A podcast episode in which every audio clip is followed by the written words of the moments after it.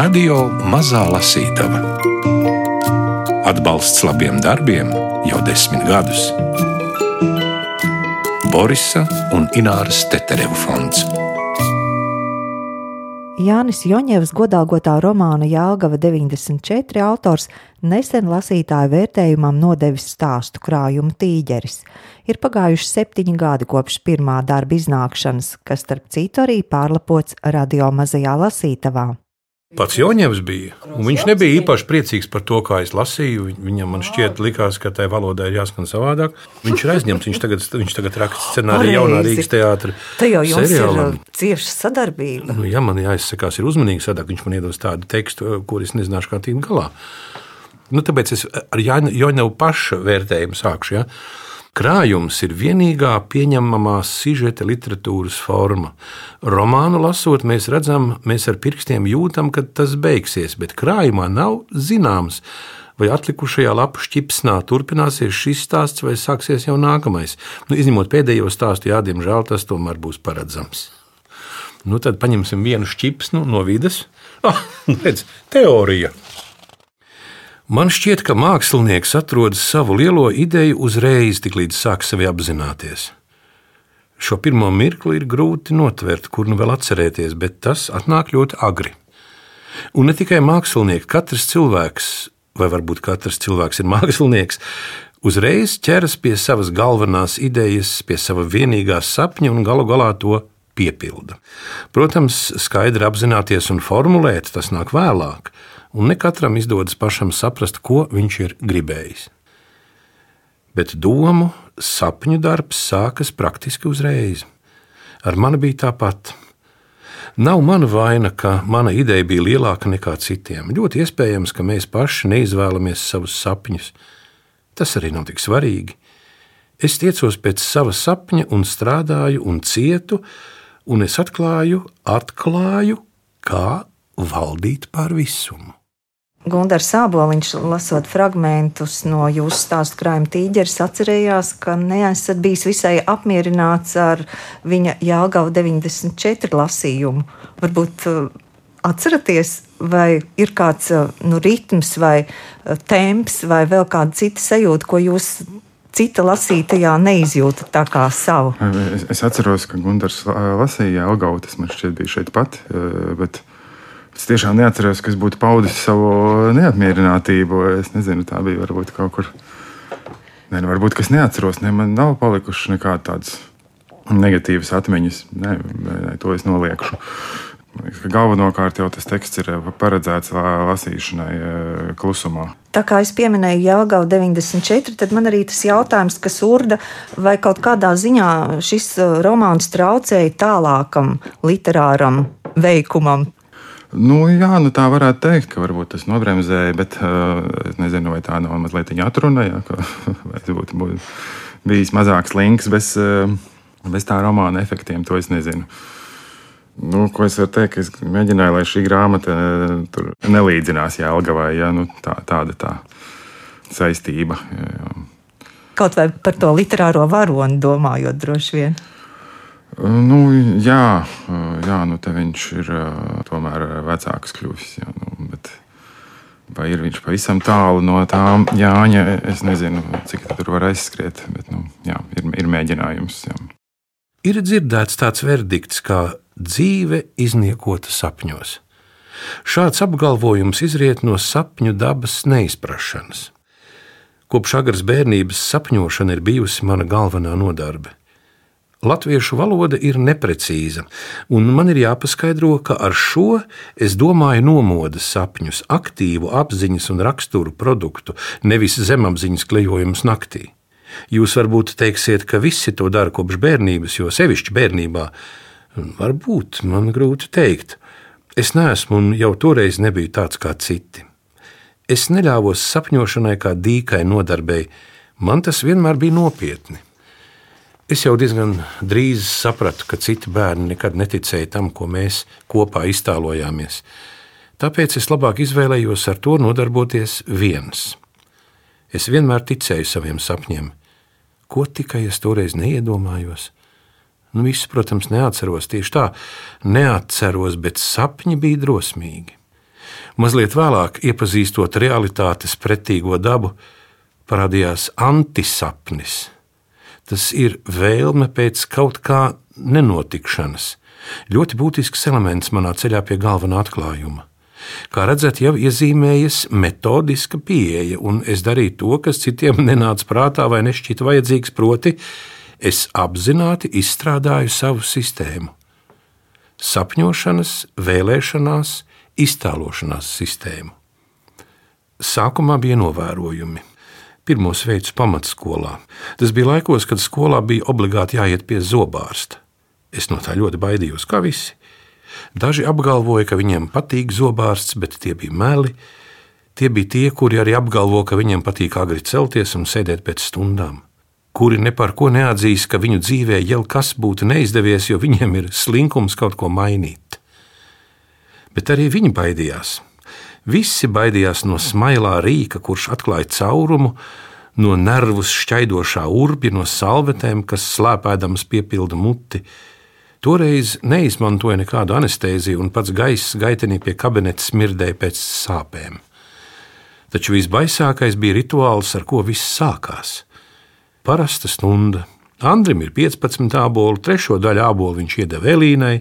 Visas mējas par muļķa Andri, bet es iedomājos, ka pēc skolas palūkšu mammai nopirkt man abolus. Taču tad atveras klases durvis, un tajās parādās sieviete baltā halātā. Viņa saka, ka pirmie divi pēc žurnāla pie zobārsta. Visa klase sabrūka klusumā. Tie divi, kuriem ģimenes mantojumā devuši šos nelaimīgos uzvārdus, bāli ceļas un iziet ārā.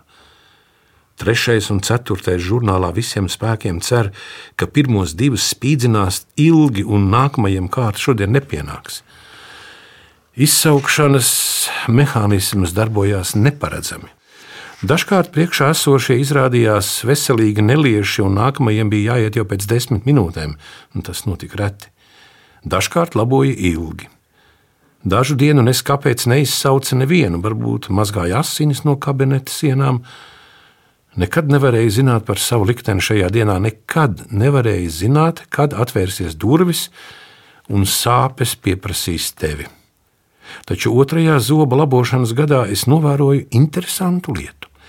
Varbūt ne tikai novēroju, tā izrietēja no kāda intuitīva nojautuma.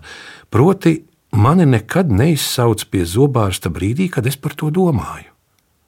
Tas vienmēr notika negaidīti es drīz sapratu, ka to var izmantot. Turpmāk, tikko pamodos, mana pirmā doma bija šodien pie zobārsta. Un sēžot stundās, es domās atkārtoju, tūlīt, tūlīt, tūlīt. Diemžēl es vēl nespēju tik ļoti koncentrēties, un dzīve toreiz bija tik interesanta.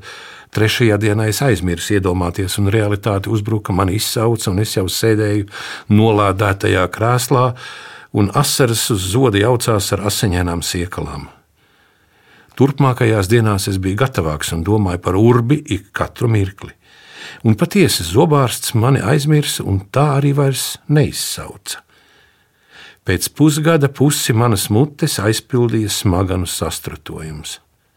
Kad sēdēju nevis skolas, bet slimnīcas moku krēslā, mans sirds bija mierīga. Šis ar mani notika tikai tāpēc, ka es nebiju to iedomājies. Tagad es sapratu, ka varu valdīt pār pasauli. Tas ir pār pusi no tās. Pagaidām es sapratu, kā izbēgt no pasaules nelaimēm. Pasaules darbības pirmais princips notiek tikai negaidītais. Sarunā ar Jāni Joņevu atgriežamies pie krājuma pirmā stāsta - intro, ko ievada Volta Disneja citāts: To, ko var izsapņot, var arī īstenot, un Henrija Forda citāts: Tev būs taisnība abējādi, ka tu domā, ka vari, un domā, ka nevari. Pirmais stāsts intro, kurā tātad apspriežas Henrijs Fords un Valts Disnejs. Vai bija svarīgi, ar ko sākt šo stāstu krājumu? Nu, jā, šajā gadījumā bija, jo es to, tas it kā visu to savācu kopā. Šis Valta Disneja citāts, ko es kādreiz ieraudzīju. Un, uh, Tad es ieraudzīju, ka Henrijs Fords, kas ir, ir teicis apmēram to pašu, kaut gan tās personības, manuprāt, bija ļoti ļoti atšķirīgas. Nu, es nezinu tik daudz par personībām, bet nu, tas viņu vēsturiski, kultūra vēstures pozīcija. Bet nu, tā, tas viņu izteiciens ir tāds kā moto visam krājumam, kas varbūt ir pārāk paslēpts brīžam un nav samanāms, nu, tad ar to bija jāsāk. Jā. Un tas intro bija jau vispār tāds darba nosaukums, kuram vajadzēja droši vien ielikt kādu citu nosaukumu kādā brīdī, bet ah, tas jau bija. Uz to brīdi likās, jau bija tik pierasts, ka nu, izlēma atstāt kā ir. Jā. Nu, jā, nu, tur ir tāds varbūt kaut kā tāda izraušanās no realisma ar tām neadekvātajām situācijām. Un, ko es mazliet centos darīt šajā grāmatā, būtu neparedzams. Bet nu, ceru, ka ne ļoti pašmērķīgi, un tas jau nav arī galvenais. Jā.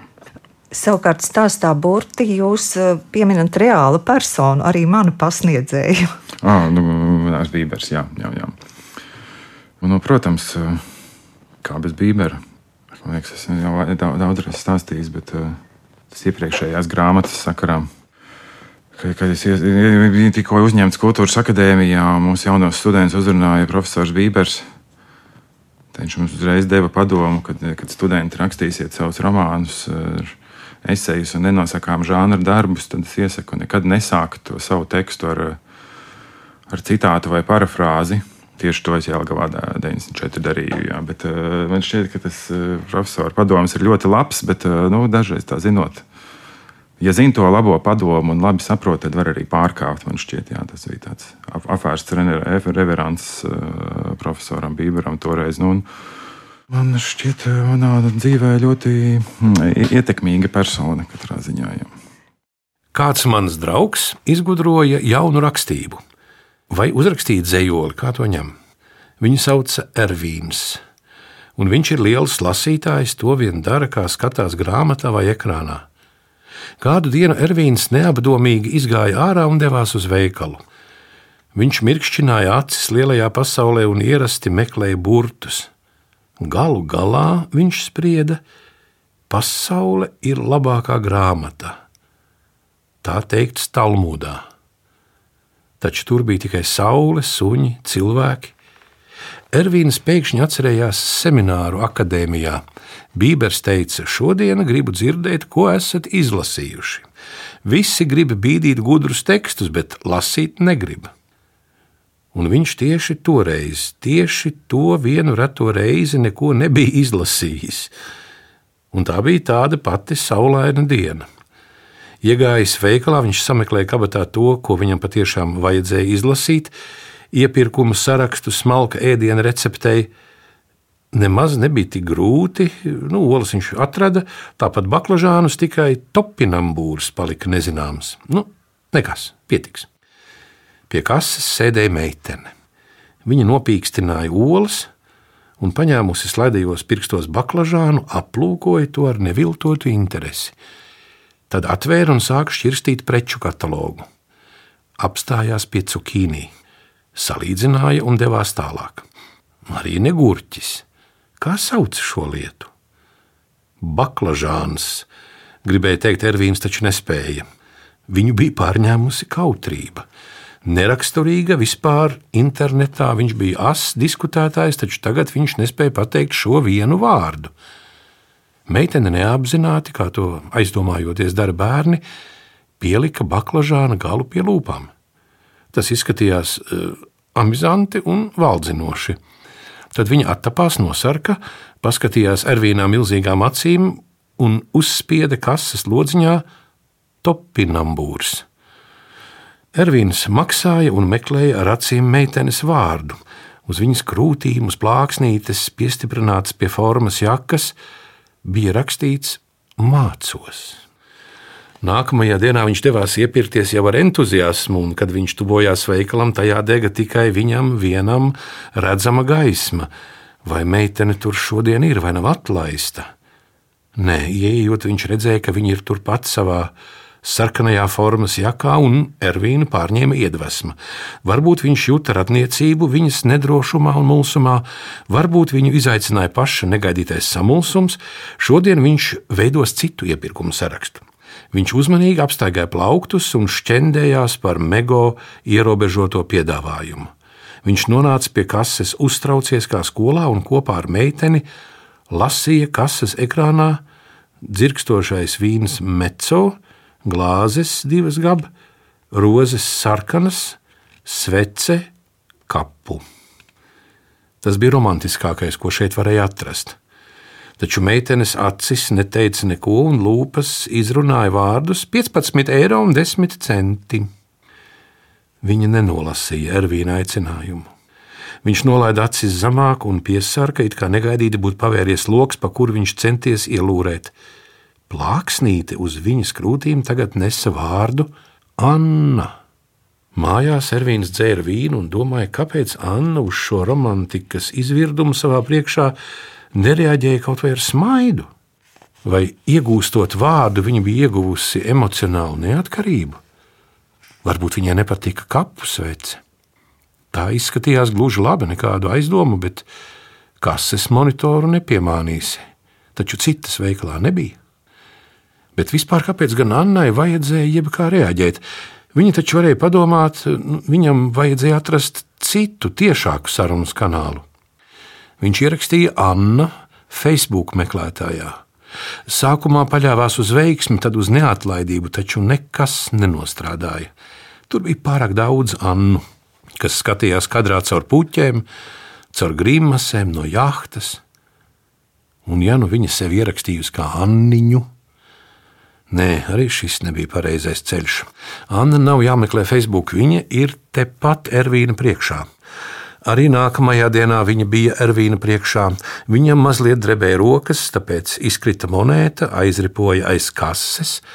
Anna noliecās, un Ervīns caur brillēm, caur atmosfēras slāni, caur formas biksēm redzēja viņas biksītes. Tām bija romāņu burta rēdzes forma taču pateikt, tāpat viņš spēja tikai paldies. Mājās viņš izdomāja sev attaisnojumu. Vienkārša saruna starp viņiem bija neiespējama. Tur bija profesionālu atšķirību šķērslis.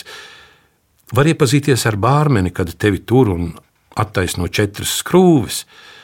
Grūtāk ar medmāsu, uzsmaidi viņai ar asiņainu sieklainu muti. Pavisam neiespējami ar pārdevēju pērkot desmit olas. Tu esi viens no ikdienas tūkstoša, nelietīgi būt viņu nogurdināt ar komplimentiem. Turklāt aiz tevis stāv citi ar kokteili 14, ar saldējumu, ar gaļu, un viņi negaidīs. Te bija arī sociālais šķērslis. Viņa ir pārdevēja. Viņu neinteresē šis mīklainais personāžs ar šķībām brillēm. Viņa nekad netiksies citur, viņu ceļi nekrustosies. Viņš nezina to, ko zina viņa. Viņu neinteresē tas, kas patīk viņai privātā dzīve pret ilustrēto zinātni, Just pret Čomski, viņu starpā ir pieņēmumi. Viņš jau ir pieņēmis to, kāda viņa ir un nespēja tikt tam pāri, un viņam pašam par to ir kauns. Tāpēc nav iespējams, ka viņš Annu uzrunātu. Tās ir divas pasaules, tālas un nesavienojamas.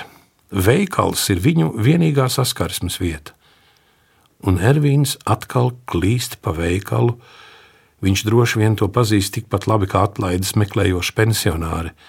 Apkārt svaigu un lētu produktu tūkstoši. Viņš ir kā Ādams paradīzē, ņem ko vēlies, bet viņš meklē vārdus. Viss viņam atgādina Annu. Lūk, persiks kā Anna, šņābis kā Anna, Anna nās kā viņa. Kad portugāļi sasniedza Amerikas, viņiem šķita, ka ir atraduši paradīzes vārdu. Viņi viegli atrada tam pierādījumus. Indiāņi teica, ka šo kronēto augli sauc ananas, un gudrais mūks tur izlasīja evaņģēlīja rindu Anna Nascitur. Tad Ervīns ierūcās un metās atpakaļ pie plauktiem. Tagad viņa kustības vadīja noteikta ideja. Tas negāja ātri, tomēr cilvēks uzvar nesakārtoto kosmosu, un Ervīns devās pie kases. Tur viņš izpelnījās aiz muguras stāvošo nosodījumu, jo izlika savus pirkumus garā rindā. Viņam bija svarīga secība. Uztraukumā atmiņā uzzibēja vārds akrostihs. Dzējolis, kura rindu pirmie burti, lasot no augšas uz leju, veido vārdus, kaut ko Bībers bija iemācījis. Ervīns un Anna abi skatījās kases monitorā, kur parādījās pirkumu saraksts - ananas, nektarīni, nutella, šokolādes krēms, aprikozes. Ervīns jutās ģeniāls. Anna pacēla pret viņu neizdibināmu skatu un nosauca cenu. Ervīns vīlies soļoja mājup. Mērcējot nutellā nektarīnu, viņš atkal domāja, ko šoreiz izdarījis nepareizi. Pirkuma saraksta pirmie burti veidoja vārdu Anna. Stāsta turpinājumā Ervīns kļūst vēl radošāks. To uzzināsiet tālāk, lasot paši. Mm, jā, man ļoti patīk stāsti. Bet varbūt tas ir tāpēc, ka nevar izdevumā to romānu. To grūti pateikt. It kā tas žanrs piedzīvo tur laikam visā mūsu rietumu pasaulē tādu vājuma brīdi jau kādus tur droši vien gadus 50. Bet tieši pēdējā laikā Latvijā gan atkal ir vairāk stāstu krājumu izdoti. Jā, nevar saprast. Bet nu, man personiski, jā, nu, tur ir vai lielāks tas pārsteiguma brīdis, un nu, lai ir maz aizstāvība stāstiem šī grāmata. Jā. Sadarbība ar Reini Petersonu. Saprotu, ka jūs nevarējāt iztikt arī šajā krājumā bez tās. Lielā mērā jāpateicas, ka viņš to pirmo grāmatu iznesa ar vāku, un, tad jau nebija iemesla nevērsties pie viņa lūk arī ar šo otro. Modelis šīs kaķa silueta, tas ir mans personiskais kaķis. Es iedevu Rēnam fotografiju un teicu, lai viņš ar to izdara to un to, un viņš izdarīja, manuprāt, veiksmīgi. Kā tie grāmatas varoņi, viņi jau gribētu būt tādi tīģeri, bet varbūt ir vienkārši mājas kaķi. Nu, jā. Tas lūk, tādā smalkā metaforā attēlots. Pateicīga metāfora un efektīvs nosaukums grāmatai. Pie lasītājiem dodas Jāņa Joņeva stāstu krājums Tīģeris. Tā fragmentus lasīja Gundars Sāboliņš, izdevusi dienas grāmata. Radio Mazā Lasītava Atbalsts labiem darbiem jau desmit gadus. Borisa un Ināras Teterevu fonds.